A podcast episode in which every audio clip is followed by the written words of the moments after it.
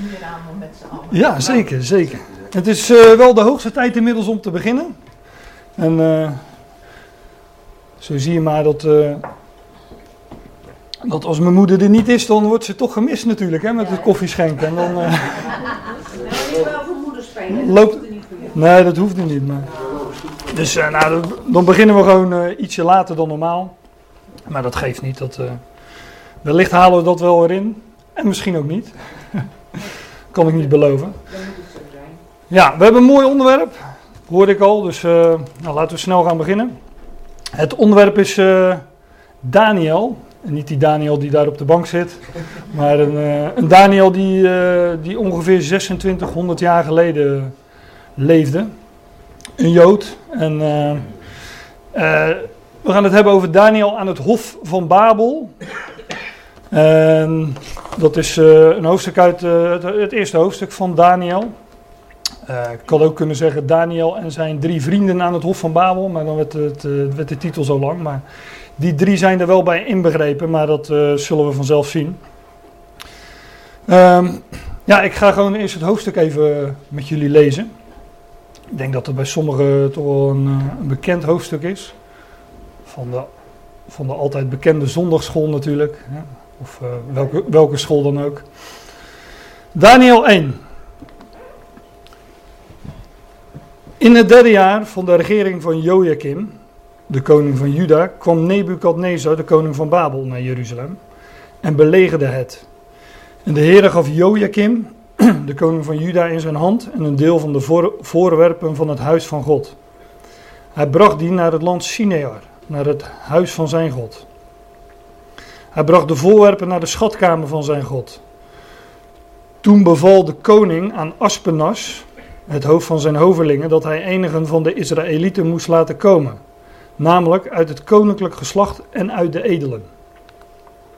Jonge mannen, zonder enig gebrek, knap van uiterlijk, bedreven in alle wijsheid, ervaren in wetenschap, helder van verstand en die in staat waren dienst te doen in het paleis van de koning, en dat men hen moest onderwijzen in de geschriften en de taal van de Galdeën.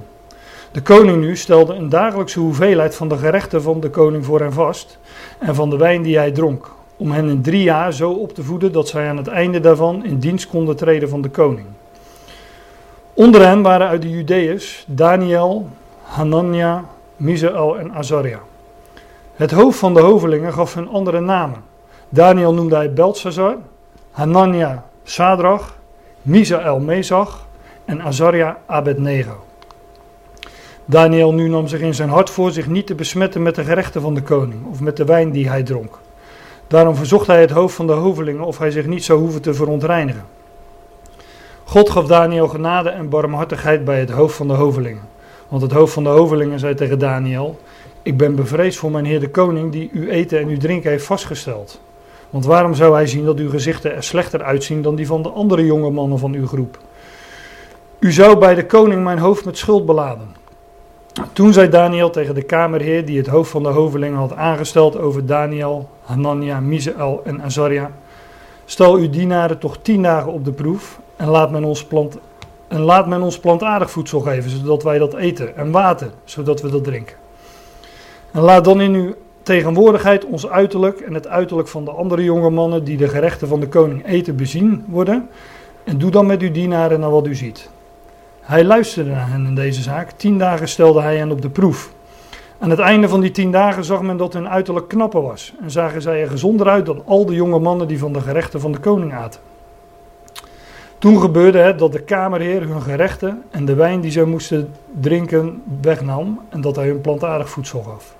Aan deze vier jonge mannen nu gaf God kennis en verstand van allerlei geschriften en wijsheid en Daniel gaf hij inzicht in allerlei visioenen en dromen. Aan het einde van de dagen waarvan de koning had gezegd dat men hen moest laten komen, liet het hoofd van de hovelingen hem bij koning Nebukadnezar komen. En de koning sprak met hen. Maar onder hen allen werd niemand gevonden als Daniel, Hanania, Misael en Azaria. Zij traden in dienst van de koning. In alle zaken waar het aankomt op een wijze inzicht, waarover de koning hen ondervroeg, vond hij hen tienmaal beter dan alle magiërs en bezweerders die er in heel zijn koninkrijk waren. En Daniel bleef tot het eerste jaar van koning Kores. Nou, tot zover. Dat is een lang verhaal natuurlijk. en ehm, het is uh, zo'n beetje de inleiding uh, van het boek Daniel. Maar ik wilde eerst eens een, uh, een overzicht geven van, van dat hele boek van Daniel. Even het geheugen opfrissen, waar dat, ja, wat we daar zoal in vinden. Nou, dit was Daniel 1, Daniel aan het Hof van Babel. Ik heb gewoon even per hoofdstuk weergegeven wat we, wat we daar vinden. Daniel 2 is misschien wel het bekendste hoofdstuk. Dat uh, grote beeld van, uh, uit de droom van Nebuchadnezzar met een gouden hoofd en met zilveren schouders en borst en uh, ijzeren buik, zilveren benen en voeten, tenen van ijzer en leem. En de steen die dat beeld verpulvert.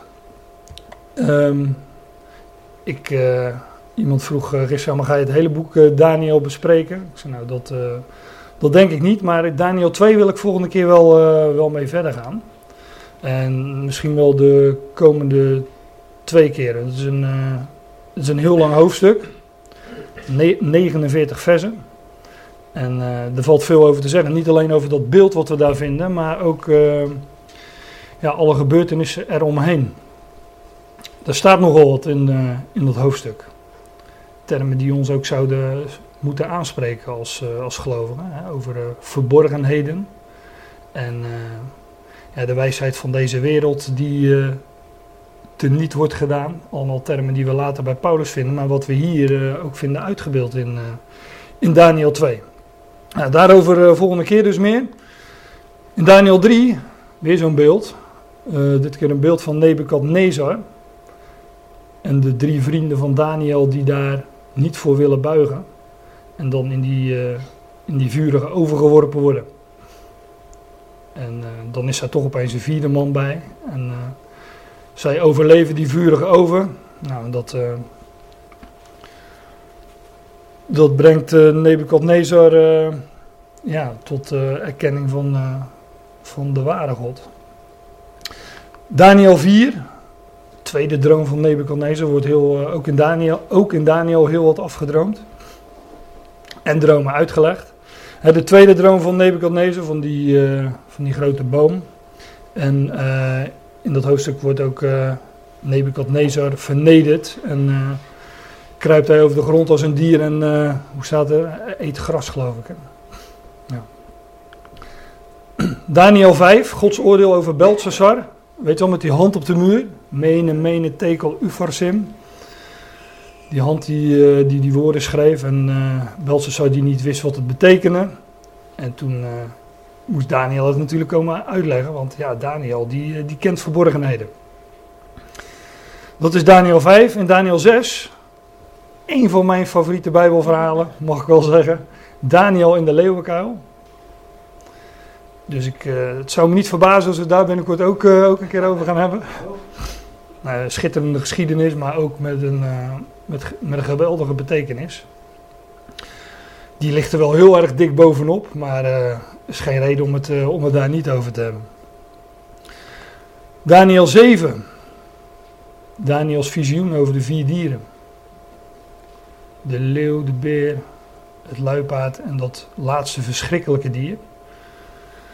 En ik geloof dat dat hoofdstuk weer alles met Daniel 2 te maken heeft. Dus vandaar dat het misschien wel uh, goed is om daar eens uh, in, twee ochtenden bij stil te staan. Maar dat, dat weet ik nog niet precies. Nou, dan komen we in Daniel 8. Weer een droom, een visioen, een gezicht, hoe je het ook wil noemen. Uh, Daniels visioen van de ram en de bok, de geitenbok. Daniel 9. Het gebed van Daniel, de 70 jaarweken. Als je ooit iets gehoord hebt of je ooit eens bezig hebt gehouden met bijbelse chronologie en uh, profetie, dan zijn de 70 jaarweken wel een, uh, wel een begrip. Daniel 10, profetie over het volk van Daniel en de andere volken. Daniel 11, profetie over de koning van het zuiden en de koning van het noorden.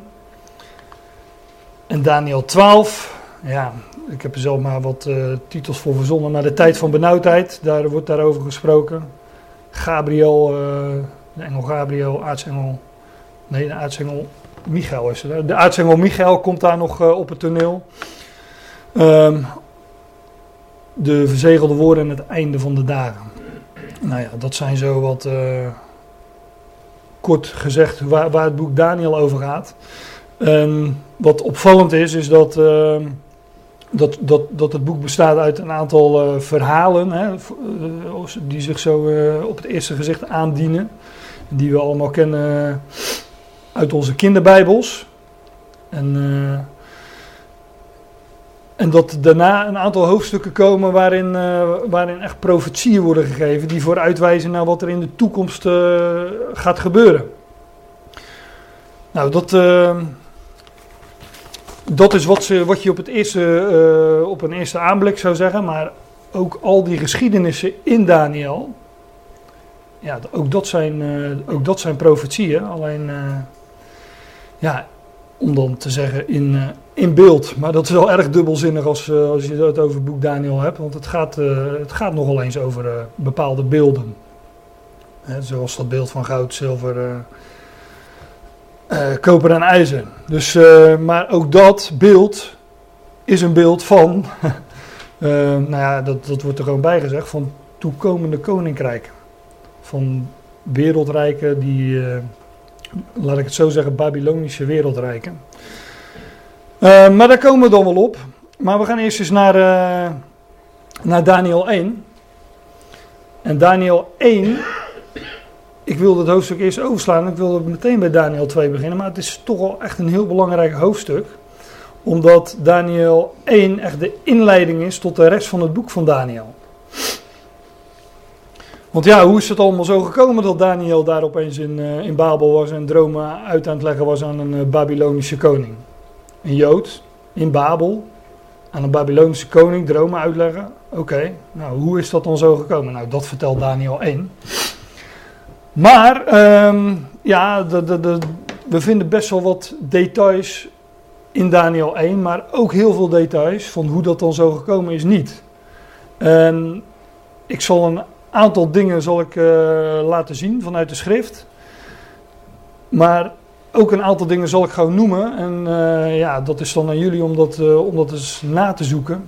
Want als ik echt alle, alle puzzelstukjes daarbij had gehaald, dan hadden we niet verder dan vers 3 gekomen, denk ik, deze ochtend. En dat, dat was niet helemaal mijn bedoeling. Dus daarna hebben jullie zeg maar twee weken om dat eens rustig na te kijken. En, te onderzoeken of deze dingen al zo zijn. Hè? Want dat, waren, dat, dat deden die Bereërs ook in eh, Handelingen 17. En eh, ja, het is, eh, weet je, de ene keer dan is het tamelijk, probeer ik tamelijk uitputtend de dingen voor het voetlicht te brengen. Maar het is ook wel eens zo dat, dat je sommige dingen laat liggen en dat ik ze, ik zal ze wel zoveel mogelijk noemen. Daniel 1. Nou, we hebben het net gelezen. Ik wil gewoon één voor één die, eh, die versen even doorlopen. Daar staat eh, in het derde jaar van de regering van Joachim, de koning van Juda, kwam Nebukadnezar, de koning van Babel, naar Jeruzalem en belegerde het. Hier wordt dus een datering gegeven. Hè? Dat zo deed men dat in, de, in vroegere tijden, in de oudheid. Namelijk aan de hand van regeringsjaren van koningen. Kijk, wij leven nu in eh, 2018 na Christus. Maar in 606 voor Christus, want daar hebben we het nu over, kon men nog niet zeggen van het is nu het jaar 606 voor Christus. nee, want men is eh, natuurlijk pas men is gaan rekenen vanaf Christus, vanaf het jaar 0. Ben ik niet helemaal eh, precies, want het jaar 0 bestaat natuurlijk ook niet. Maar dat is weer een ander verhaal. Maar vanaf toen is men gaan rekenen. Ook dat is niet helemaal waar, want men is pas achteraf vanaf Christus gaan rekenen. Dus vandaar dat, eh, dat zelfs die tijdrekening nogal eh discutabel is en problemen oplevert. En ga maar een, eh, een, boek lezen over Daniel, een, een commentaar op het boek Daniel, of nou, welk Bijbelboek dan ook. De tijd waarin men het wil dateren is, is echt altijd lastig. Daar zijn altijd uh, verschillen in. Nou, hier zegt men over het algemeen over dat uh, het derde jaar van Joachim, dat dat 606 before Christ, hè, voor Christus was dat, terugrekenend. En um, in, die, in dat jaar van de regering van Joachim, de koning van Juda, kwam Nebukadnezar, de koning van Babel, naar Jeruzalem en belegerde het. Nou, hier is de tijdrekening wordt gegeven aan de hand van de koning van Juda. Dat is ook wel leuk. In de rest van het boek gaat het, is het, wordt de tijdrekening gegeven aan de hand van de regeringsjaren van Babylonische koningen en Perzische koningen. En dat is veelzeggend, want de schrift, het Oude Testament, de Tenach, is een Joods boek. Het gaat over het Joodse volk, het gaat over, ja, over Israël. En die tijdrekening, die wordt dan aan gegeven aan de hand van de koningen van, uh, van Israël, van Juda. Maar hier verandert dat. In het boek Daniel verandert dat. Dan gaat het van Juda naar Babel. Veelzeggend, ik kom er straks nog wel op terug. Maar eigenlijk zie je al dat hier in, uh, in dit vers het thema van Daniel wordt samengevat. Want wat hier gebeurt, is dat Jeruzalem onder heerschappij komt van de heidenen, van de natieën. Zoals in Lucas 24 uh, eh, staat. Jeruzalem zal door de natieën, door de heidenen vertreden worden, totdat de tijden, van, de tijden der heidenen staat dan in de meeste vertalingen, totdat de tijden van de natieën vervuld zullen worden. En dit is nog steeds niet vervuld. Jeruzalem wordt nog steeds vertreden door de na natie, door de heidenen. En zeg nou niet van ja, er is toch een Israëlische regering, ze hebben toch een Knesset en, enzovoort. Zeg ja, maar oké, prima, maar wat doet die gouden koepel daar dan bijvoorbeeld nog? Dat is toch echt een doorn in het oog van uh, elke godsdienstige Jood. Jeruzalem wordt vertreden door de heidenen en dat is nog steeds zo. En ja, ik had gisteren wat gesprekken erover met uh, mensen die toch niet zouden komen, dus ik denk. Uh, dat kan nog goed met discussie. Ja, dat waren mijn ouders, die, uh, waren op een verjaardag, dus ik denk. die. dus ik, daar, daar had ik het, ik had het met hen over en toen zei ik ook van ja, toen had het over Amer de, de rol van, van de, de hele wereldpolitiek. Ja, als Amerika of de volkeren hun steun zouden terugtrekken aan Israël, dan, ja, dan is het bij wijze van spreken ook meteen afgelopen. Wat overigens niet alleen voor Israël geldt natuurlijk, maar nog voor meer uh, groepen in die regio, zoals de Palestijnen. Maar over politiek uh, ga ik het nu niet hebben, want daar heb ik sowieso niet zo heel veel verstand van. Maar één ding is duidelijk: Jeruzalem wordt door de natie vertreden. Ik zeg dat, want als je een handboek pakt over Daniel, uh, dan heeft men er allerlei ideeën en filosofie over. Wanneer die tijden der heidenen vervuld zouden zijn. En dan noemt men jaartallen bij als 1917, hè, het einde van de Eerste Wereldoorlog, geloof ik. Maar ook 19, 19, 1918 is het dan. Ja. ja. Ja, dat was iets voor mijn tijd, dus ik, vandaar dat ik het wat lastig kan onthouden. Maar 1918, 1948, de, de, de, de vestiging van de, van de Joodse staat. Maar ook 1967, het einde van die Zesdaagse Oorlog. Nou, dat soort uh, dingen. Dat is dus gewoon niet zo. Die, de Jeruzalem wordt nog steeds vertreden door de natieën. En in dit vers wordt eigenlijk in één vers het thema van het boek Daniel samengevat. Jeruzalem, dat vertreden wordt door de heidenen, dat onder uh, Joodse heerschappij terechtkomt. En hoe zit dat dan met al die beloften die gedaan zijn in het Oude Testament? Want het koninkrijk van Juda gaat hier, uh, wordt hier uh, overheerst door Babel. De, troon wordt ondergeschikt, onderdanig aan, aan heidense volkeren. Maar er is toch een belofte van de Messias die zijn koninkrijk zou oprichten en zou vestigen. En wat zou bestaan tot in de Aion of tot voor mij tot in eeuwigheid. Want er zou aan het koninkrijk geen einde komen. Nou, daar gaat het boek Daniel over. Hoe komt dat koninkrijk dat van Juda naar Babel gaat, hier in, in Daniel 1? Hoe komt dat weer terug bij het Joodse volk en ja, degene die daarboven staat, haar Overigens, Jeruzalem zal vertreden worden door de heidenen totdat, ik heb de grote verdrukking die in de toekomst nog plaats gaat vinden nog niet eens genoemd, want dat is wel het, eh, ja, de ultieme vervulling van het vertreden van Jeruzalem door de natie. Zal Jeruzalem verwoest worden, geen steen op de andere gelaten, enzovoort. Nou, dit uh, is dus in, uh, over het algemeen zeg men in uh, 605, 606 of 605 voor Christus. En Nebukadnezar komt hier naar Babel. Van, de koning van Babel komt hier naar Jeruzalem en belegerde Jeruzalem. Het mooie is, ik zei al, eigenlijk wordt in heel dit vers, in heel dit vers wordt samengevat waar het boek Daniel over gaat. Want Nebukadnezar betekent prins van de god Nebo. Wie dat ook wezen mag, maar uh, elke god die niet de god, die ene god is, is, uh, nou, is een afgod en, uh, en is ook een beeld van de god van deze Aion, Satan. Maar Nebuchadnezzar betekent prins van de god van Nebo. Nou, die kwam in het derde jaar van Joachim, de koning van Juda, bij Jeruzalem en belegerde haar. En eigenlijk, je vindt hier hoe het hoe, heidense, hoe, hoe de heerschappij van Jeruzalem naar Babel ging en van een Joodse koning naar een heidense koning. Maar in de naam van Joachim zie je al hoe het gaat aflopen. Namelijk, Yahweh zal bevestigen, Yahweh zal oprichten, Yahweh zal stellen of herstellen. Dus het koninkrijk gaat hier weliswaar van Babel naar Jeruzalem. Maar Yahweh zal bevestigen, Yahweh zal oprichten, Yahweh zal herstellen. Nou, dat is het verhaal van het boek, Babel, van het boek Daniel. Hoe het koninkrijk van Juda naar Babel gaat en hoe het uiteindelijk terugkomt bij de werkelijke rechthebber op de troon.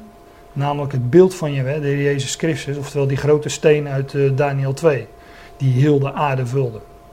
En het beeld van Daniel 2 verpulverde. Dus eigenlijk zit in het ene vers, je moet goed lezen en het is verborgen, maar zit het hele verhaal van Daniel al opgesloten. In het allereerste vers. Nou, schitterend vind ik dat. Maar de belofte van dat God zal herstellen en dat God ze weer zal oprichten, ja, die ligt hier al in dat ene vers. Ja, um, dat zeg ik er dan nog even bij voor degene die, uh, die een, uh, een, uh, een, commentaar op Daniel gaan lezen. Waarschijnlijk was, was koning Nebukadnezar hier nog niet koning, maar was zijn vader dat nog. En was hij generaal in zijn vaders leger en kwam hij bij Jeruzalem om Jeruzalem te belegeren. En als dit later op papier, dit zou bijvoorbeeld verklaard kunnen worden doordat het achteraf geschreven is. En, dat, dat, uh, dat hij toen weliswaar nog generaal was, maar dat, uh, nou, dat als je het achteraf schrijft, dat je het dan hebt over de, de koning van Babel, of de huidige koning van Babel. En ik zeg al, ik zei al, met die tijdrekening, dat is toch altijd een beetje moeilijk. Dus misschien zitten al die handboeken wel naast en was hij niet generaal op dat moment, maar was hij wel de koning. Als dat hier staat, dan uh, neem ik dat net zo makkelijk aan in ieder geval. In die handboeken heb ik niet al te veel vertrouwen in. Maar we hebben nog een paar versen, dus we gaan snel verder. De Heer gaf Joachim, de koning van Juda, in zijn hand. En een deel van de voorwerpen van het huis van God. Hij bracht die naar het land Sinear, naar het huis van zijn God. Hij bracht de voorwerpen naar de schatkamer van zijn God. Ja, Sinear is ook zo'n uh, aanduiding. Dat is dit kleine stukje hier. Ik heb het hier wat uitvergroot. Maar dat ligt ergens uh, aan de Perzische Golf, zeg maar, tussen de Uifraat en de Tigris. Zo heet, dat, zo heet dat gebied dan. Ik noem het omdat de Bijbelse geschiedenis hier zo ongeveer begint, hè, in Sinjar. In Genesis uh, eh, 10 wordt het al genoemd, maar vooral in Genesis 11, de toren van Babel werd in dat gebied gebouwd.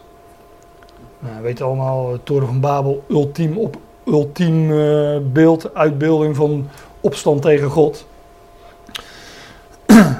en Babel vinden we dan ook van het begin tot echt het einde van de Bijbel. Want de, Babel, uh, Babel vinden we terug in openbaring, uh, volgens mij 16, 17, 18, waar de stad weer tot ongekende hoogte wordt hersteld. Handelscentrum van de wereld. wordt. En daarna ook weer eh, in no time verwoest wordt. Dus, de, dus Babel, de stad Babel en de koning van Babel, een, een, een koning van Babel, spelen een grote hoofdrol eh, in die eindtijd. Dus dat betekent dat we vanaf begin van Genesis tot openbaring vind je Babel. En eh, ja, bijvoorbeeld dus ook in, eh, in Daniel. En het is altijd een, ja, het is eigenlijk het hoofd, omdat, daar komen we de volgende keer op op het hoofd natuurlijk, maar het hoofd van, van de volkeren en ook een uitbeelding van, van, de, van de wereldrijken en de, van opstand tegen God. Dat zit er allemaal in, ook in dat Sinjar. Nou, we vinden Simeon maar een paar keer in de Bijbel. Uh, onder andere hier in Genesis 10. Zacharia 5 zou ik nog kunnen noemen. Ik weet niet of jullie dat kennen. Dat is een wat minder bekend gedeelte over een, uh, een vrouw in een Eva. Nee? Niemand die daarop aanslaat. Maar er is een beeld van uh, een vrouw in een Eva. Een, Eva is een, volgens mij een handelsmaat. Maar ja, als je het mij vraagt, maar ook daar kunnen we het de volgende keer over hebben, is die vrouw een beeld van Israël, van het Joodse volk. Worden allerlei handelskenmerken genoemd in dat Zachariah 5. En dat is een beeld over de toekomst waarin die vrouw geplaatst wordt in het land Sinia. Dus het Joodse volk zal in die eindtijd in dat koninkrijk van Babel een belangrijke rol gaan spelen in ieder geval het kapitalisme van dat volk. Want zo wordt het wel uh, beschreven. Nou, daar uh, moeten we dan uh, volgende keer over hebben. maar nu even niet. Maar dat is uh, ja, ik hoop dat jullie een beetje wakker zijn. Want um, het laatste woord is nog. Um, kijk, in 606 kwam Joachim bij Jeruzalem uh, kwam Nebuchadnezzar bij Jeruzalem om Jeruzalem te belegeren. Wat gebeurt er vervolgens? Joachim wordt in, in, handen van, in de hand van Nebuchadnezzar gegeven. Er staat nergens hier dat die stad verwoest wordt, dat, uh, dat de stad wordt platgelopen. Dat staat er niet. Wat er gebeurt is dat Joachim zich onderschikt aan Nebuchadnezzar. Hij wordt een soort uh, onderhorige koning van die koning Nebuchadnezzar. Wat de koning vervolgens doet, Nebukadnezar, is hij brengt voorwerpen uit de tempel, uit het huis van God, naar zijn eigen land, naar de schat, schatkamer van, van zijn God. Um, en hij laat mensen uit het koninklijk geslacht en allerlei uh, wijze en hoogstaande figuren uit dat koninkrijk van Juda brengt hij naar Babel, waaronder Daniel. Dat doet hij in, uh, nou ja, laten we dat jaartal even aanhouden, 606 voor Christus. Wat hij niet doet, is Jeruzalem verwoesten en heel Jeruzalem wegvoeren op dat moment. Jeruzalem werd hier niet verwoest. Dat lees je ook in, je leest dat, en dat is dan uh, iets wat ik niet aanhaal, maar alleen noem. Dat moet je thuis dan, uh, of waar dan ook even nalezen. In 2 Koningen 24, in 2 Koningen 24 lees je eigenlijk het hele overzicht van wat hier gebeurt, maar ook dat is een vrij lang hoofdstuk. Maar dan lees je dat Nebuchadnezzar naar Jeruzalem toekomt, Jeruzalem belegert en doet wat, wat hier gezegd wordt, voorwerpen uit het huis van God naar zijn land brengt. Enkele mensen, waaronder Daniel en zijn vrienden, ook naar, zijn, uh, naar Babel brengt. Na drie jaar, 2 Koningen 24 lees je dat, rebelleerde Joachim tegen Nebuchadnezzar. Hij, wilde zijn, hij was niet meer zo eens blijkbaar met zijn ondergeschikte, onderdanige positie. Dus hij rebelleerde tegen Nebukadnezar. Nou, wat, toen kwam Nebukadnezar dus weer. En hij zette die Joachim af. Nog steeds heeft hij, uh, deed hij daar verder. Uh, ja, haalde nog wat spullen weg. En uh, wellicht dacht hij, nou, neem dat ook nog even mee en dat ook nog even. Maar nog steeds werd niet heel de stad leeg gehaald. Um, Joachim werd dus gevangen en werd afgezet. Dan komt zijn zoon Joachim, wat is in de name, van je, zijn zoon Joachim, die, uh, of jo, Joachim, Joachim, wordt de nieuwe koning. Joachim wordt afgezet, zijn zoon Joachim wordt de nieuwe koning. En die wordt dus blijkbaar ook onderdanig aan Nebuchadnezzar. Het zal zo gaan zijn van jij weg. Wil jij, ben jij wel van plan om uh, onder te luisteren? Ja, ik wel. Nou, is goed. Word jij mijn koning dan? Maar die, ook die re rebelleert uh, iets later. En dan lees je pas dat heel Jeruzalem wordt weggevoerd. Dat lees je helemaal zo beschreven in 2 Koningen 24. En dat is plus minus acht jaar later. Dus in 606, volgens het handboek, hè, maar dus, er zitten een aantal jaren tussen. Dat is ook wel logisch als je 2 Koningen 24 uh, leest. Maar in uh, 606, nou, dat plaatje hadden we net natuurlijk, wordt, uh, wordt Daniel daar weggevoerd. Dus dat is zeg maar de eerste belegering van Nebuchadnezzar. Maar pas in 598 voor Christus wordt heel Jeruzalem weggevoerd. En ehm, ja, wordt, wordt, wordt er dus nog een keer. Dus eigenlijk is Jeruzalem drie keer belegerd door Nebuchadnezzar. En pas bij de derde belegering wordt heel, uh, ja, heel Juda weggevoerd in, uh, in ballingschap. Mijn punt is dus even, maar ik denk dat ik dat wel gemaakt heb, dat Daniel dus eerder weggevoerd werd dan de rest van Juda.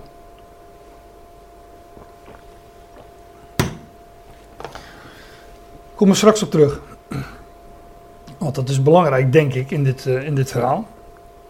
We gaan gewoon naar vers 3. Toen beval de koning aan Aspenas. Die naam schijnt paardenneus te betekenen. Nou, als jullie er wat van kunnen maken, dan uh, hoor ik dat graag. Ik heb geen flauw idee. Toen beval de koning aan de paardenneus en Aspenas. Het zal bijnaam geweest zijn, denk je niet? Ja, of je moet echt zo heten. Maar dan, uh, ja, je, je vraagt je toch af waarom sommige ouders kinderen uh, bepaalde namen geven. Dus uh, het, het, zou zomaar kunnen. Toen beval de koning aan Aspenas, het hoofd van zijn hovelingen, dat hij enige van de zonen van Israël moest laten komen, namelijk uit het koninklijk geslacht en uit de edelen. Uh, letterlijk staat hier het hoofd van de Uinuigen, of hoe zeg je dat? Niet Eunuigen, maar Uinuigen is het dan, hè, geloof ik. Maar um, ik heb dat woord hoveling maar uh, laten staan, omdat ik, maar als er hoveling staat, dan gaat het over de, het hoofd van de uinuigen. Maar een uinuig is iemand die, die ze zijn ja, mannelijkheid hebben afgenomen, hè, die gecastreerd is. En ja, weet je, als je de commentaren daarop naleest, dan deed men dat omdat er nog wat vrouwen aan dat hof liepen en omdat men problemen wilde voorkomen. nou, dat is op zich een doeltreffende oplossing lijkt me in ieder geval. Kunnen, daar kunnen we verder wat van vinden natuurlijk, maar dat zal het ook ongetwijfeld wel, uh, wel zo geweest zijn. Over vind je um, die, zo, dat, dat woord vind je ook in de geschiedenis van Jozef. Die was ook een, uh, Jozef uh, kwam in het huis van Potifar en die was ook de overste van Uinuigen. Weet je gelijk waarom de vrouw van Potifar ehm, dacht van ik ga eens even verder winkelen. Ja, alles heeft zijn redenen toch? nou ja. Um, ja, die, die, die Potifar was ook weer een overste der Trawanten. Dat staat dan in het Statenvertaling. Die term kom je ook in Daniel 2 weer tegen. Dat is dan, uh, hoe heet die, Arioch. Maar daar komen we dan nog wel op. Ja, de geschiedenis van Jozef dus. En daar vind je, je vindt heel veel overeenkomsten tussen Jozef en Daniel. Ik heb hier een, uh, een rijtje opgeschreven. Schoon van aangezicht, wordt van beide gezegd. Ze waren allebei in het buitenland. Trouw, maar trouw aan God in het buitenland. Allebei hadden zij dromen. Maar zij legden ook dromen uit. Um, nou, dat is ook een mooie.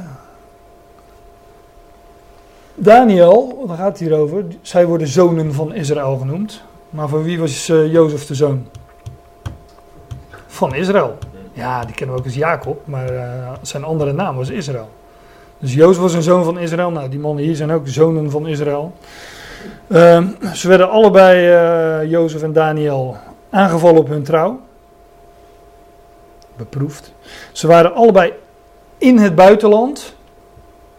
Onder een andere naam. Dat lezen we straks al, we hebben het al gelezen, want Daniel en zijn vrienden kregen andere namen. Maar ook Jozef kreeg andere namen. Jozef, Safnat Paaneach, kreeg hij als Egyptische naam mee. De, dat betekent weer zoiets als uh, uitlegger van verborgenheden. Ja. Jozefs identiteit werd veranderd daarmee, door een andere naam te geven, maar dat gebeurde bij Daniel ook. Hun identiteit werd veranderd. Um, Ja, dat zonen van Israël, dat is wel eh, dat is een aparte aanduiding in Daniel. Want zij worden meestal ehm, zonen van Juda genoemd, of zonen van de ballingen van Juda. Ja, eh, als wij die begrippen lezen, dan eh, denken we vaak van ja, dat gaat over hetzelfde, of je nou een Jood bent of een Israëliet. Maar daar valt wel wat op af te dingen. Ik heb hier 1, 2, 3, 4, 5, 5 of 6 schriftplaatsen waarin ze specifiek gekoppeld worden, benoemd worden als zonen of ballingen van, uh, van Juda. En één keer hier zonen van Israël. En als het erop aankomt in de schrift, is Juda uh, het tweestammenrijk. Kijk, ik zei al, je moet wel een beetje wakker zijn deze ochtend. Maar Israël werd na de afgoderij van Salomo opgedeeld in twee koninkrijken. Het noordelijke rijk, Israël, en het zuidelijke rijk, Juda. de divided kingdom staat er, het gedeelde koninkrijk. Het werd opgedeeld in een tienstammenrijk en twee stammenrijk. Israël en Juda, of vaak ook genoemd. Hoe werd het tienstammenrijk genoemd? Ephraim. En waar was dat ook weer een zoon van? Van Jozef. Daar is Jozef weer. Um, we hebben het nu over Juda en de ballingschap van Juda. Juda dat in ballingschap ging naar Babel. In 606 voor uh, Christus. In, uh, ik had het ergens genoteerd, dat ik had het opgezocht, maar volgens mij ik kan het niet zo gauw uh, vinden. Maar in 720 of 730 voor Christus, dus 120, 130 jaar eerder, is dit koninkrijk in ballingschap gegaan. Is gewoon weggevoerd hier uit hun land, uit hun gebied, uit hun maagschap en uit hun vaders huis, om het zo te zeggen. En weggevoerd in Assyrische ballingschap. En is daar nooit, officieel nooit meer uit teruggekomen. Israël. Ik heb het hier, ik heb het hier wel eens eerder over gehad. Maar dit tienstammenrijk is in Assyrische ballingschap gegaan en verdwenen onder de natieën. Dus zij zijn naar het buitenland gegaan, zijn daar hun identiteit kwijtgeraakt en zijn bekend nu niet onder de naam Israël, maar onder andere namen. Ja, welke namen weet ik niet. Maar in ieder geval niet meer onder uh, Ephraim, Ruben, uh, nou ja, noem, Zebulon, noem ze maar op. Ze zijn verdwenen onder de natie, hun identiteit kwijtgeraakt. En um, ja. En dat is al uh, meer dan 120, 120 jaar gebeurd voordat dit deel van Israël weggevoerd wordt in ballingschap. Ze zijn officieel ook nooit meer teruggekomen in dit land. Juda, want dat, dat, dat lees je ook in het boek Daniel, Juda is wel teruggekomen in het land zijn teruggekomen uit de Babylonische ballingschap. Want God had gezegd: jullie zullen 70 jaar uh, in, uh, in Babel zijn en dan zullen jullie terugkeren. Van tevoren was het al beloofd. Vandaar dat Daniel in Daniel 9 ook gaat bidden: van ja, de, de tijd is voorbij. U, uh, u, u heeft beloofd, de, de, de termijn is vervuld.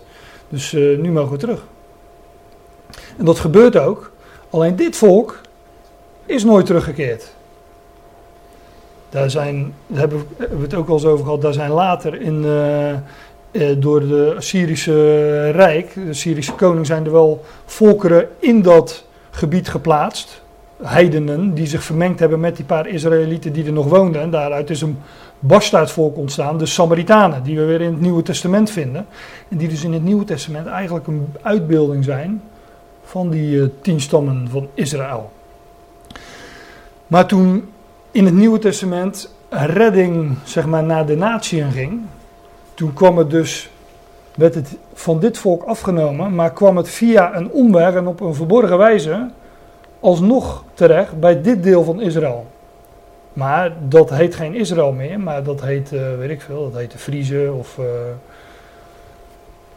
noem het maar op, noem maar een volk op. Ja, dat, die kunnen daar. Uh, ik, ik, zeg niet dat de Friese afstammen van die, van die, tien, van die tien stammen, maar Daar zijn natuurlijk allerlei eh, boeken over geschreven en eh, dat kan ook, want de Bijbel zegt er verder eh, niet specifiek iets over. Laat ik het daar maar bij houden. Maar ja, de Britten natuurlijk, daar. de, de Britten. Ja. Of de Denen dan. Ja, de Denen dan. Ik, ik, kijk, ik ken die theorie ook allemaal. In de Bijbel vind je het niet terug. Danmark, hè, de, Denemarken.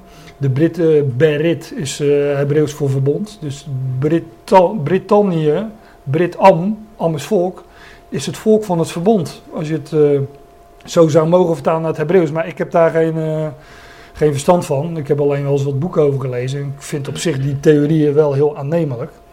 Nou, zo zijn er nog wel een aantal, maar de tien stammen zijn verdwenen onder de natie. En toen dus het heil van, van het Joodse volk naar de natie ging, kwam dus alsnog terecht bij Ephraim. Alleen Ephraim, of ja, dat deel van Israël, Ephraim, heet geen Ephraim meer. Maar is verdwenen onder de natie en bekend onder andere namen. Nou, wat ik daar dus eigenlijk mee wil zeggen ook, is dat Daniel en zijn drie vrienden, die eerder weggevoerd werden dan de rest van Juda, ook een uitbeelding zijn van dat deel van Israël dat al eerder weggevoerd was. En Daniel en zijn drie vrienden komen daar aan het Hof van Babel en die komen daar in het buitenland terecht en die krijgen ook inderdaad een andere naam en een andere identiteit. En daarmee zijn ze een uitbeelding ook van dat deel van Israël, Ephraim, dat eerder dan Juda is weggevoerd, maar terecht kwam onder de natie, onder de heidenen. En daar eh, ja, onder andere namen bekend werd. Maar, ehm, ja, ze krijgen daar op een bepaalde manier wel een hoge positie. En daar kan je natuurlijk eh, allerlei filosofieën op loslaten hoe welke volkeren dan in, de, in het verleden een hoge positie hebben gekregen onder de volkeren. Ja, dan kom je inderdaad op landen zoals Amerika of eh, Brittannië. Maar daar wil ik me maar niet aan, eh, aan branden, want het blijft toch, blijft toch gissen. Maar we kennen wel dat deel van de natie dat op een, eh, in ieder geval op een verborgen wijze een hoge positie heeft gekregen. Namelijk door trouw te zijn aan het woord van God. En eh, God die verzamelt zich momenteel uit die heidenen, waar Ephraim onder verdwenen is, verzamelt hij zich een volk, namelijk de gemeente, het lichaam van Christus. Nou, ik denk dat, eh, dat de gelovigen die vasthouden aan het woord van God in het buitenland, dat, die een beeld, dat Daniel en zijn drie vrienden daar een beeld van zijn. En specifiek van dit deel van Israël, dat eerder weggevoerd werd dan Juda. Want Daniel wordt echt eerder weggevoerd dan de rest van Juda. Daar zou je bijna overheen lezen, maar ja, acht jaar is. eh, nou, mijn dochter is acht jaar. Dat is toch een aardige tijd. Hè? Kan, kan een hoop in gebeuren. Nee. Ehm, ja. Nou, we gaan nog heel even eh, een vers verder. Dus zonen van Israël, wordt hier ook specifiek genoemd. Nou, er staat geen woord voor niks in de Bijbel. En ja, dat, dat springt er hier echt uit, vind ik. eh. Hij moest, die moesten komen namelijk uit de koninklijke geslacht en uit de edelen. Jonge mannen zonder enig gebrek, knap van uiterlijk, bedreven in alle wijsheid, ervaren in wetenschap, helder van verstand en die in staat waren dienst te doen in het paleis van de koning, dat men hem moest onderwijzen in de schrift en de taal van de Galdeën. Dit, zou je zo op de, op, op, op de gelovigen uit de natie toe kunnen passen. Toch? Geestelijk gezien, hè? Overdra- overdrachtelijk gezien, hè? Want de uitwendige mens die vergaat, eh, maar de inwendige wordt vernieuwd van dag tot dag. Daar hebben we het over, Daniel. Deze Daniel die is nog, eh, die is nog niet zo wijs als, eh, als die anderen. Nee, maar wanneer, een eh, jongeling schoon van aangezicht, zoals Jozef, Jozef zoals Jozef ook wordt genoemd, ja, eh, zijn die zonder meer altijd een uitbeelding ook van, van Christus. Schoon van aangezicht. Nou, Daniel is dat, Jozef is dat. Hm? Nou, Mozes weet ik niet. David volgens mij wel, die zag er ook goed uit. Eh, Absalom, dat is een mooie. Maar er wordt niet van heel veel mensen gezegd hoor in de Bijbel. Saul, ja, die was een kop groter dus, eh, dan de rest. Dus daar kan ik me gewoon iets bij voorstellen. Dat heb ik ook vaak. Ja, je kijkt hoogte, hè? Dus eh, lang is mooi, hè? En als we het over Jozef hebben, dan is vet ook mooi. Hè? De vette koeien en de magere koeien. En de vette waren de mooie koeien en de, de magere waren de lelijke koeien. Dus eh, even om jullie een hart onder de riem te steken. maar dat, eh, nou, daar is dat eh, een uitbeelding van. De onderwijzen in de geschriften en de taal van de Galdeën. Ja, dat is ook weer zo'n eh, zo'n term. Dat Galdeeuws, dat, nou ja, dat lag in ieder geval ook in die, eh, in die regio. Galdeeën daar eh, zijn soms ook op een bepaalde manier een uitbeelding van de gemeente. Maar ja, ik, ga ik, dat laat ik even liggen. De koning nu stelde een dagelijkse hoeveelheid van de gerechten van de koning voor hen vast en van de wijn die hij dronk, om hen in drie jaar zo op te voeden dat zij aan het einde daarvan zouden staan voor de koning. Ja, hun eh, opleiding duurde drie jaren. Nou, dat is natuurlijk ook niet voor niks. ja, daar, valt eigenlijk niet zo heel veel aan toe te lichten, hè, aan, eh, aan drie jaren. Eh, dat, is, ja, dat, is, eigenlijk ook een, een uitbeelding van, van onze tijd. Hè? En ook dat vind je vaak terug in, in typen. Drie maanden, drie jaren. Natuurlijk de, de drie dagen. Opstaan, eh, opstanding op de derde dag. Maar ik heb er een paar opgeschreven, maar dat, ik had een hele lange reeks kunnen geven. Maar Absalom verborg zich eh, drie jaar na het doden van zijn broer. Ken je dat verhaal? Amnon, die doodde hij. Dus Absalom, die zijn broed- broeder doodde, verborg zich drie jaar. Nou, dus het is natuurlijk rijk aan, aan typologie. Maar na de dood van de broeder verborg hij zich drie jaar. En pas toen maakte hij zich weer openbaar. Nou, als dat geen plaatje van onze tijd is, na de dood van de Heer Jezus Christus werd Absalom drie jaar verborgen. En eh, op de derde dag volgde daar eh, opstanding. Paulus kwam na, een, dat lezen we volgens mij in, ja, in Paulus kwam na een driejarig verblijf in Damascus, in het buitenland, namelijk in Syrië, in Assyrië, waar die tien stammen ook naartoe gingen. En verdwenen onder de natie. Paulus kwam na een driejarig verblijf in Damascus terug in Jeruzalem. Bij Petrus om hem zijn verhaal te vertellen. Nou, zo kan ik me voorstellen dat wij op die derde dag ook aan Israël ons verhaal gaan vertellen. Ehm, Mozes, we werden het net al even genoemd, werd drie maanden verborgen. Niet in dat biezenmandje, maar eh, zo lang duurde dat gelukkig niet voor hem. Maar hij werd wel drie maanden verborgen na zijn, eh, na zijn geboorte. Zeg maar. Nou ja, het is altijd een uitbeelding van onze tijd. Hè? Mozes die eh, verborgen werd voor het, voor het oog van de rest van de wereld. Ephraim, dat nu verborgen is onder de natie, bekend onder andere namen, een andere identiteit. En na de drie zouden zij staan voor het aangezicht van de koning, staat hier. Om hen in drie jaar zo op te voeden dat zij aan het einde daarvan zouden staan, opstaan voor mijn part, voor de koning. Nou, dat eh, spreekt natuurlijk van opstanding op de derde dag. Maar het is de hoogste tijd om eh, even te gaan pauzeren. En eh, dit lijkt me dan inderdaad een mooi moment om even koffie te gaan drinken. Ja, we waren gebleven bij, eh, bij vers 5.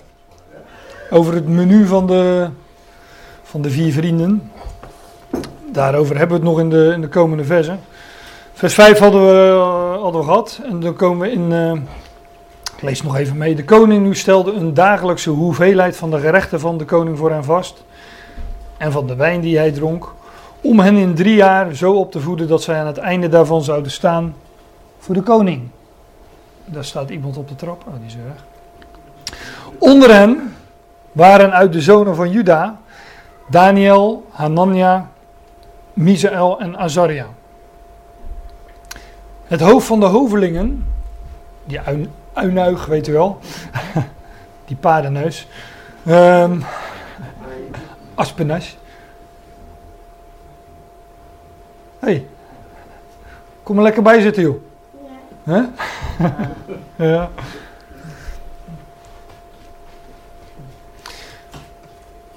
Eh, het hoofd van de hovelingen gaf hun andere namen. Daniel noemde hij Beltzazar, Hanania Sadrach, Misael Mesach en Azaria Abednego. Die, eh, dat zijn dus de Hebreeuwse namen tegenover de Babylonische namen. Ehm, ik, eh, al die namen van die, eh, die Hebreeuwse namen eindigen allemaal op L. Hè? Dat betekent of, of ja. En L is uh, Hebreeuws voor God. En ja is een, een afkorting van Yahweh.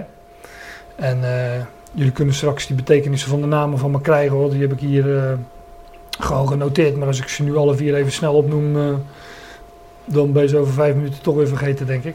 Nou, Daniel weten we allemaal wel, wel, denk ik. Jij in ieder geval wel, hè, Daniel? Ja. maar uh, waar het me nu even om gaat, die, die, die namen die, uh, die, die zijn ontleend aan de, aan de God van, uh, aan, aan, de God van, aan de God. Aan de God van Israël. En um, die andere namen, die Babylonische namen, ja, die hebben die zijn ontleend aan de namen van de Babylonische goden. De god Bel. En uh, in ieder geval de god Bel. En de god Nebo of Nabu of Nego. Er wordt soms wat, uh, wat anders gespeld, maar dat zijn uh, uh, goden van de Babyloniërs. en dat Ach. Ja, ach, ach, ach, ach. Maar dat 8, dat heeft voor, ja, dat, men weet niet, uh, men twijfelt tussen twee goden waar dat weer van afkomstig is. Maar die details zal ik, allemaal, uh, zal ik jullie allemaal besparen. In ieder geval wordt, wordt hun identiteit hier veranderd, daar hadden we het al even over.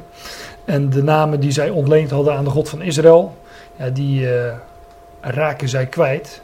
Zoals dat deel van Israël ooit ook die naam kwijtraakte en bekend uh, werd onder andere namen. Welke namen dat ook wezen mogen. En dat gebeurt hier ook met Daniel, Hanania, Misael en Azaria.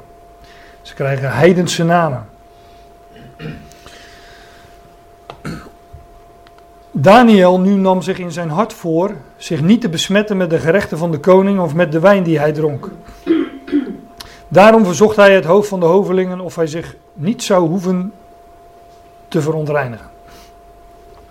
Dat zal ongetwijfeld iets met, uh, met de spijswetten te maken hebben.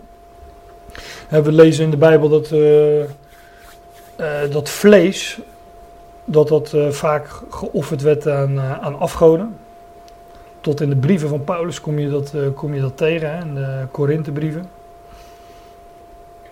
Um, ja, en kijk, we lezen later, daar kom ik dan straks in de volgende vers op, dat zij plantaardig voedsel, het gezeide aten en water dronken en dus niet zich wilden verontreinigen met de gerechten van de koning, zoals vlees en, eh, en wijn.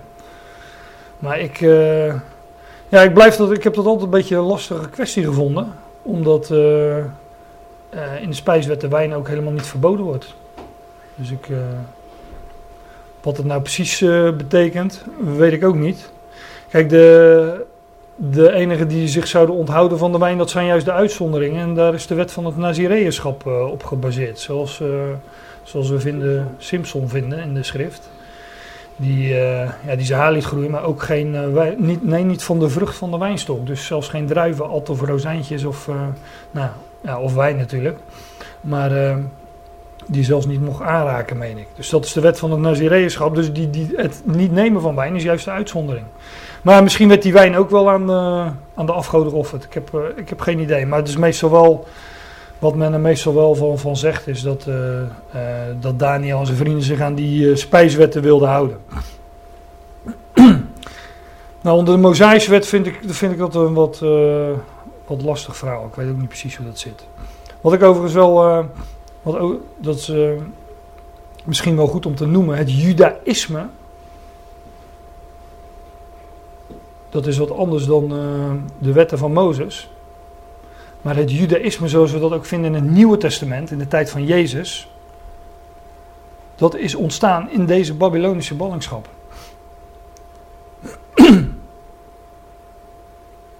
Want het volk van Juda werd juist weggevoerd omdat ze zich niet hielden aan de wetten van Mozes. er staat dat die 70 jaren dat zij in ballingschap geweest zijn in, in Babel, dat het een vergelding is voor 490 jaar geen sabbatsjaren houden. Om de zeven jaar zou men het land één jaar braak laten liggen, om het land te laten rusten. In het zesde jaar zou God een uh, opbrengst voor drie jaar geven, namelijk voor dat zesde jaar, voor het sabbatsjaar, het zevende jaar, en voor het nieuwe jaar waarop het land dan weer wel bebouwd, be, bebouwd werd. En het volk heeft die wetten gewoon niet gehouden. En toen heeft God gezegd van nou, als jullie het niet doen, dan laat ik het land rusten. Ik voer jullie weg in ballingschap. En daardoor wisten ze ook dat het 70 jaar zou duren. Dus om nou te zeggen dat, die, uh, dat het Joodse volk zich zo goed aan de wet van Mozes hield. Nou, daar valt wel uh, wat op af te dingen. Nou, dan hoef je alleen het Oude Testament maar te lezen natuurlijk. Uh, over de koningen die deden wat kwaad was in de ogen des Heren. Dus dat, dat, dat judaïsme, Kijk, dat volk werd weggevoerd in, in ballingschap. En eigenlijk uh, is men toen.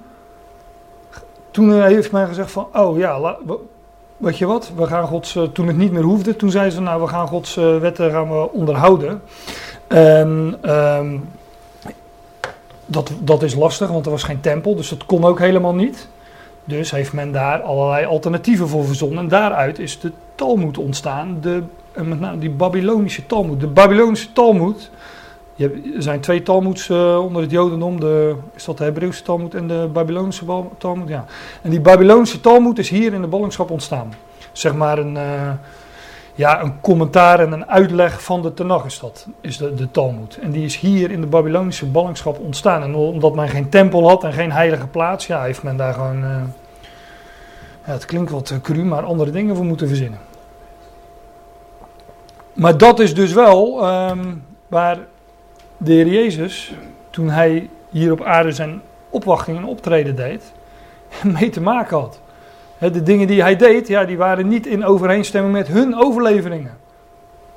Nou ja, dat klopt, want dat was, dat, dat was, dat was niet de Mosaïsche wet, dat waren hun overleveringen. En daardoor botste dat zo waar. Onder andere. Nou ja, dat even als uh, zijn lijstje. Hoe kom ik erop? Nou, weet ik ook niet. God gaf Daniel genade en barmhartigheid bij het hoofd van de hovelingen. Als ik nou de naam Daniel niet ingevuld had en ik had gewoon eh, deze tekst eh, genoemd, waar hadden jullie dan aan gedacht? God gaf hm, hm, hm, genade en barmhartigheid bij het hoofd van de hovelingen. Ja, Jozef, ja.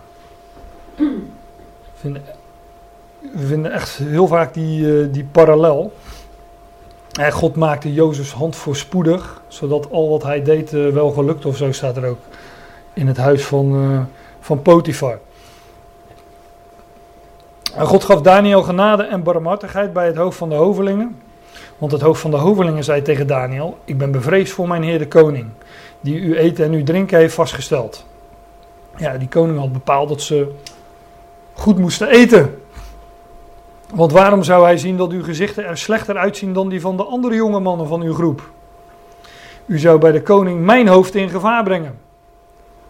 Hij is bang dat het hem de kop zou kosten. Wanneer hij Daniel en zijn vrienden ander voedsel voor zou zetten dan het voedsel van de tafel van de koning. En uh, dat, ze, ja, dat dat zichtbaar zou worden, dat die mannen minder gezond zouden zijn dan de rest. En uh, dat hij als verantwoordelijke daarvoor uh, het loodje zou leggen of de kop zou kosten. Want dat zegt hij hier, hè? u zou bij de koning mijn hoofd in gevaar brengen. Het hoofd van de hovelingen was bang dat het hem de kop zou kosten. Ja. ja. Toen zei Daniel tegen de kamerheer die het hoofd van de hovelingen had aangesteld over Daniel, Hanania, Misael en Azaria. Stel uw dienaren toch tien dagen op de proef. En laat men ons plantaardig voedsel geven, zodat wij dat eten, en water, zodat we dat drinken.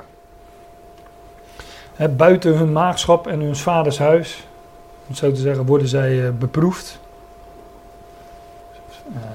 Uh, ik noem nu die woorden die, de, je zou dan eerst aan Abraham denken. Die moest ook gaan uitgaan uit zijn maagschap uit zijn, vader, uit zijn vaders huis naar een plek die God hem wezen zal. Hij was in dat land, maar hij verbleef daar als, uh, als gast en bijwoner, zo, zoiets staat er. Had daar geen eigen land, Maar hij leefde daar gewoon uit Gods genade, uit wat God gaf. Nou, dat, eh, en hij werd daar beproefd. Met Abraham trouwens ook, hè, met zijn uh, zoon Isaac. en deze mannen worden hier ook beproefd. In het buitenland, buiten hun land, buiten hun maagschap. En zo gaat het altijd met gelovigen. Staan buiten de gevestigde orde. Ja, dan worden ze beproefd, op de proef gesteld. Ja, tien dagen. Tien. Ja, de, de, de tien, dat, dat is natuurlijk altijd een uitbeelding van het woord van God in de Bijbel. De, de tien woorden, de tien geboden. Dat is Gods woord wat hij gaf aan zijn volk. Het bestaat uit tien. En uh, ja, de, de, de, scheppings, uh, de scheppingsdagen. De, in de scheppingsdagen, het verhaal van Genesis 1, daar wordt tien keer gezegd en God zeide. Dus wanneer God spreekt, is dat de tien.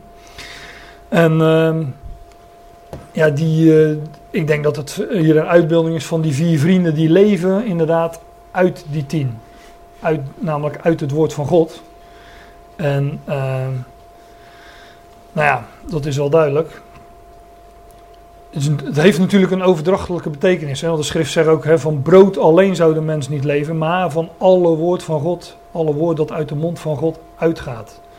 Dus dat brood, en, uh, dat, dat is ook een uitbeelding van het woord van God. En die tien is dat ook. En um, het plantaardig voedsel, ja, letterlijk staat er uh, het zaad, zaadvoedsel, of de Statenvertaling heeft, uh, meen ik, het gezaaide. En zaad of het gezaaide in de schriften is ook, een, is ook een uitbeelding van het woord van God.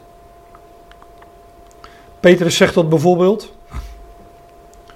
Als opnieuw verwekt, niet uit vergankelijk, maar uit onvergankelijk zaad. Dus dat vergankelijke zaad is natuurlijk een uitbeelding van onvergankelijk zaad, namelijk door het levende en blijvende woord van God. Dus dat zaad, dat onvergankelijke zaad, het onvergankelijke zaad is het woord van God. En um, daar is natuurlijk vergankelijk zaad, het gezaaide, is daar een beeld van. Het is ook wel mooi, want een zaadje, dat heeft natuurlijk ook dat nieuwe leven, heeft dat, uh, heeft dat in zich. Het is al een uitbeelding van nieuw leven.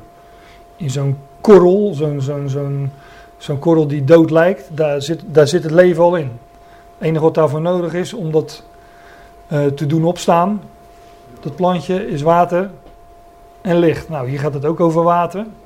En dat is ook een uitbeelding van het woord van God.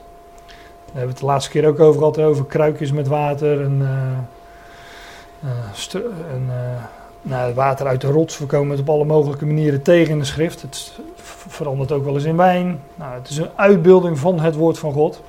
Dus hier, tien dagen worden zij op de proef gesteld en zij eten hè, het gezaaide en ze drinken water. Nou, de tien het zaad, het onvergankelijk zaad, het water, allemaal uitbeeldingen van het woord van God. Dus als uitbeelding van nee, wij, wij willen niet leven uit wat de wereld ons geeft, maar wij willen leven uit het woord van God. En daar zoeken wij, daar vertrouwen wij op, daar zoeken wij onze, ja, daar zoeken wij het in. Dat, dat is eigenlijk wat ze, wat ze zeggen.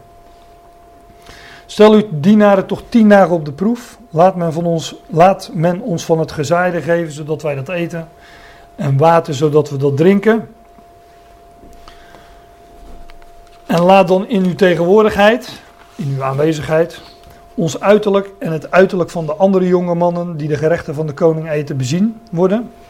En doe dan met uw dienaren naar wat u ziet. Dus Daniel zegt van nou laat, laat, laten we de proef op de som nemen. Geef ons maar tien dagen het gezaaide en water. En uh, dan gaan we eens, uh, dan maken we een line-up en dan gaan we maar eens kijken wie er het beste uitziet. Hè? Zo, zoiets. Kijk, en men concludeert hier wel eens uit van, uh, ja, het is uh, blijkbaar goed om alleen plantaardig te eten en water te drinken en geen, geen vlees en wijn. Maar daar valt natuurlijk ook wel wat op, op af te dingen. Dus ik denk dat het hier echt meer om de overdrachtelijke betekenis gaat. Dat zij inderdaad wat de wereld hem biedt, dat, daar, daar nemen zij afstand van. En wat, wat God, wat God biedt, hè, het woord, de tien, het, het zaad, het gezaaide, het water, ja, daar leven zij uit. Ja, en dat, eh, nou, hoe dat gaat aflopen, dat eh, de lezen we gewoon verder. Hij luisterde naar hen in deze zaak. Tien dagen stelde hij hen op de proef. Ziet ook, dat zie je ook vaak in Daan, hoe de dingen telkens weer eh, gewoon benadrukt worden. Want dat tien dagen stelde hij hen op de proef, dat hoeft er helemaal niet bij te staan natuurlijk. Dat, was, dat is ongeveer wel duidelijk, maar het staat er toch nog een keer. Als je er één keer overheen leest, dan heb je altijd een tweede keer nog, zeg ik. nou, de volgende keer gaan we naar het beeld van Nebukadnezar. En dan wordt eerst droomt Nebukadnezar die droom en dat wordt dan uitgelegd. En dan komen de wijzen komen allemaal bij hem, die kunnen het niet uitleggen. En dan eh, komt Daniel, dan gaat Daniel uitleggen van wat hij gedroomd heeft. Dan gaan Daniel ook nog eens een keer uitleggen wat het allemaal betekent. Vandaar dat het hoofdstuk zo lang is. Maar dat, eh, ja, wij zouden zeggen, eh, het is wat langdradig. Hè? Het wordt soms wat uitgebreid en breedvoerig besproken. Maar dat is ook gewoon om de nadruk erop te leggen. In die manuscripten stonden nog geen dingen dik gedrukt en onderstreept enzovoort. Maar dit is ook een manier om de nadruk erop te leggen, om dingen te herhalen. Hij luisterde naar hen in deze zaak. Tien dagen stelde hij hen op de proef. Aan het einde van die tien dagen zag men dat hun uiterlijk knapper was. En zagen zij er gezonder uit dan alle jonge mannen die van de gerechten van de koning aten. Dus in beeld wat hadden zij tot zich genomen? Het woord van God, namelijk de gezonde woorden van God. Dat, dat zijn allemaal, allemaal termen die we in het, eh, in het Nieuwe Testament vinden. Toevallig eh, hadden we het daar vorige week zondag over in, in Zoetermeer. Over gezonde woorden, gezonde leer, gezond onderwijs, gezond geloof. Nou, zij hadden eh, eh, de tien, in de tien hadden zij het gezaaide en water tot zich genomen. Dat had hun gezond gemaakt. Uitbeelding van de gezonde woorden die, zich die zij tot zich hadden genomen uitbeelding van gezond onderwijs, gezonde leer. Ja, dat geeft een, eh, een gezond geloof. Dus zij zagen er gezonder uit dan al die jonge mannen die van de gerechten van de koning aten.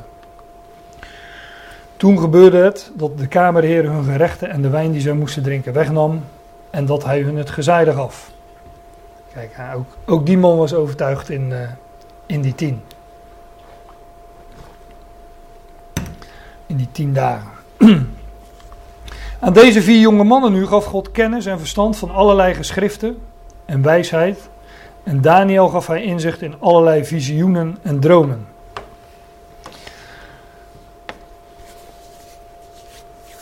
Ja, die, nou die wijsheid, daar ga ik, gaan we het volgende keer wat uitgebreider over hebben. Want speelt een grote rol in, uh, in Daniel 2. Hoe God de wijsheid van deze wereld tot dwaasheid maakt. Dat gebeurde daar. Overigens gebeurde dat ook bij Jozef. Dat de hele. Hoe zeg je dat eerbiedig? De hele. Uh, alle wijze mannen binnen dat koninkrijk, wil zeggen de hele Santekraam. de hele. De hele crème de la crème, om het dan uh, heel netjes, de hele crème de la crème werd daar opgeroepen, werd uh, voor de farao gebracht bij Jozef. En in Daniel 2 lezen we dat over Nebukadnezar. En met al hun wijsheid, en wij denken van ja, vroeger die gasten wisten niks. Nou, die gasten wisten heel veel. En dat was de, de, de hoogste wijsheid die binnen die beschaving uh, aanwezig was. Die wist daar de antwoorden niet. En toen kwam, was er een uh, mannetje die heette Daniel. En later uh, en eerder al Jozef.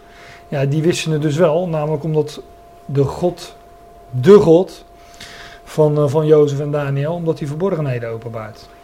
Dus de wijsheid van deze wereld werd daar tot ja, tot dwaasheid gemaakt en werd daar te kijk gezet. Nou, daar hebben we het de volgende keer wat meer over. Maar uh, hier zie je dat al, dat Daniel wijsheid ontving en verstand van allerlei geschriften en inzicht in allerlei visioenen, gezichten en dromen. Nou, ik hoef er nu toch niet meer bij te zeggen dat, uh, dat het wel uh, heel, heel veel overeenkomst heeft met Jozef. Ja, ja, toch wel. Maar dromen, dat is interessant. Dromen zijn altijd, hebben altijd met onze tijd te maken, waarin dingen verborgen zijn. Een droom is ook een verborgenheid. Is alleen zichtbaar voor degene die het droomt. Voor de rest niet. Dus het is maar. Het is exclusief. Het is niet voor iedereen zichtbaar.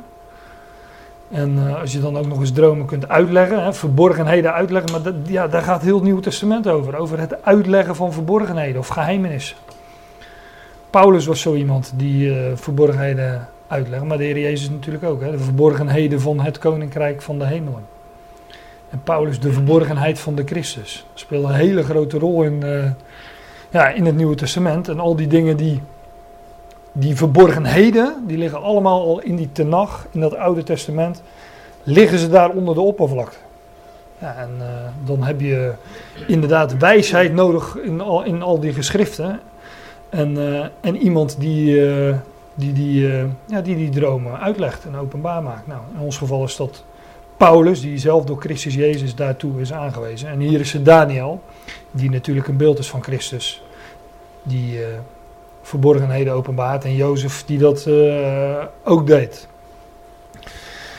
Um, ja, Jozef met die in de gevangenis, met die schenker en die bakken, maar later ook weer met de farao, met de uh, vet en de magere koeien. Aan deze vier jonge mannen nu gaf God kennis en verstand van allerlei geschriften en wijsheid. En Daniel gaf hij inzicht in allerlei visioenen en dromen.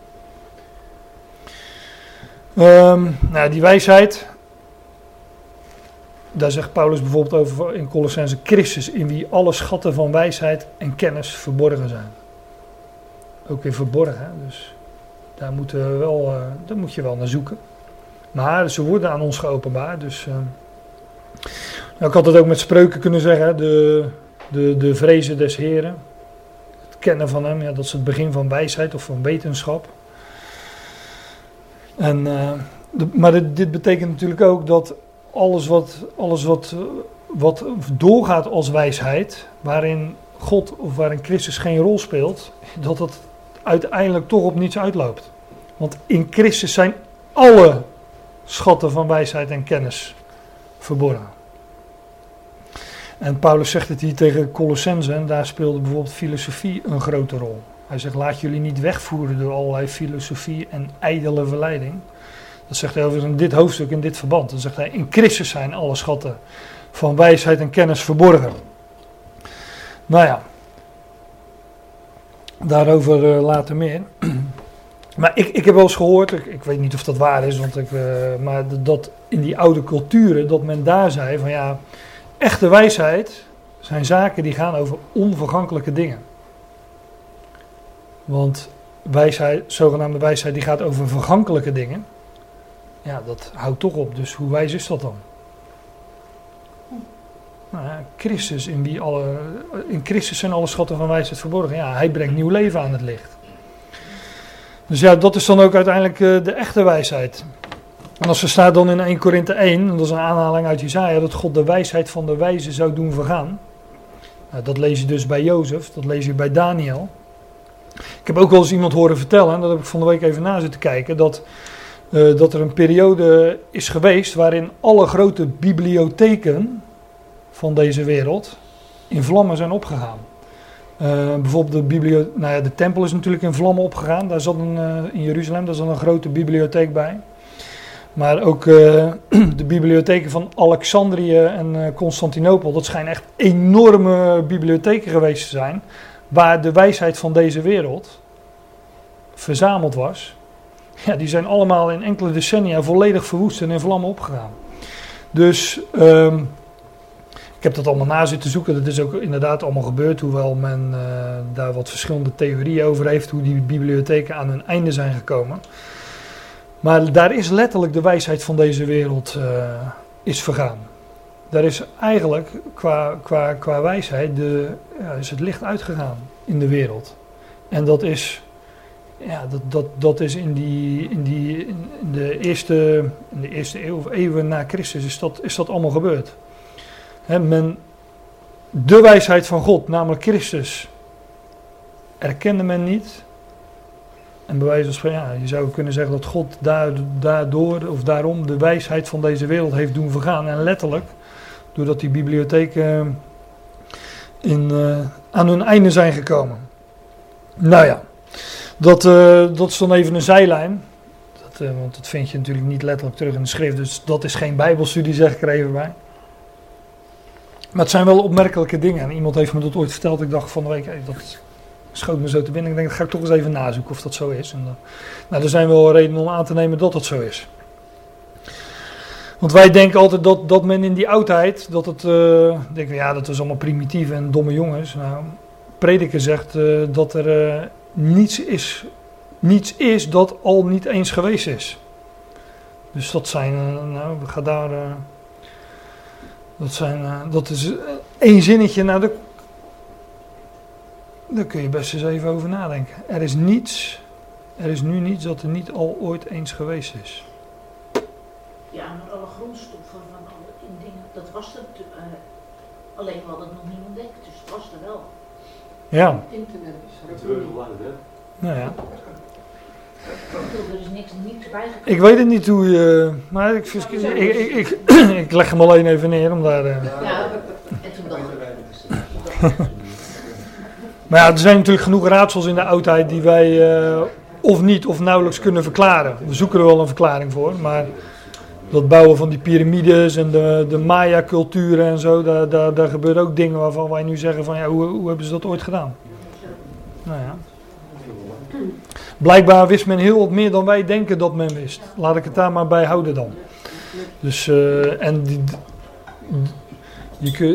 wij noemen techniek natuurlijk wijsheid, maar dat we allemaal op onze telefoon zitten te staren of op onze tablet, dat, uh, ja, daar word je ook niet wijzer van. Dan kun je afvragen of dat nou uh, echte wijsheid is.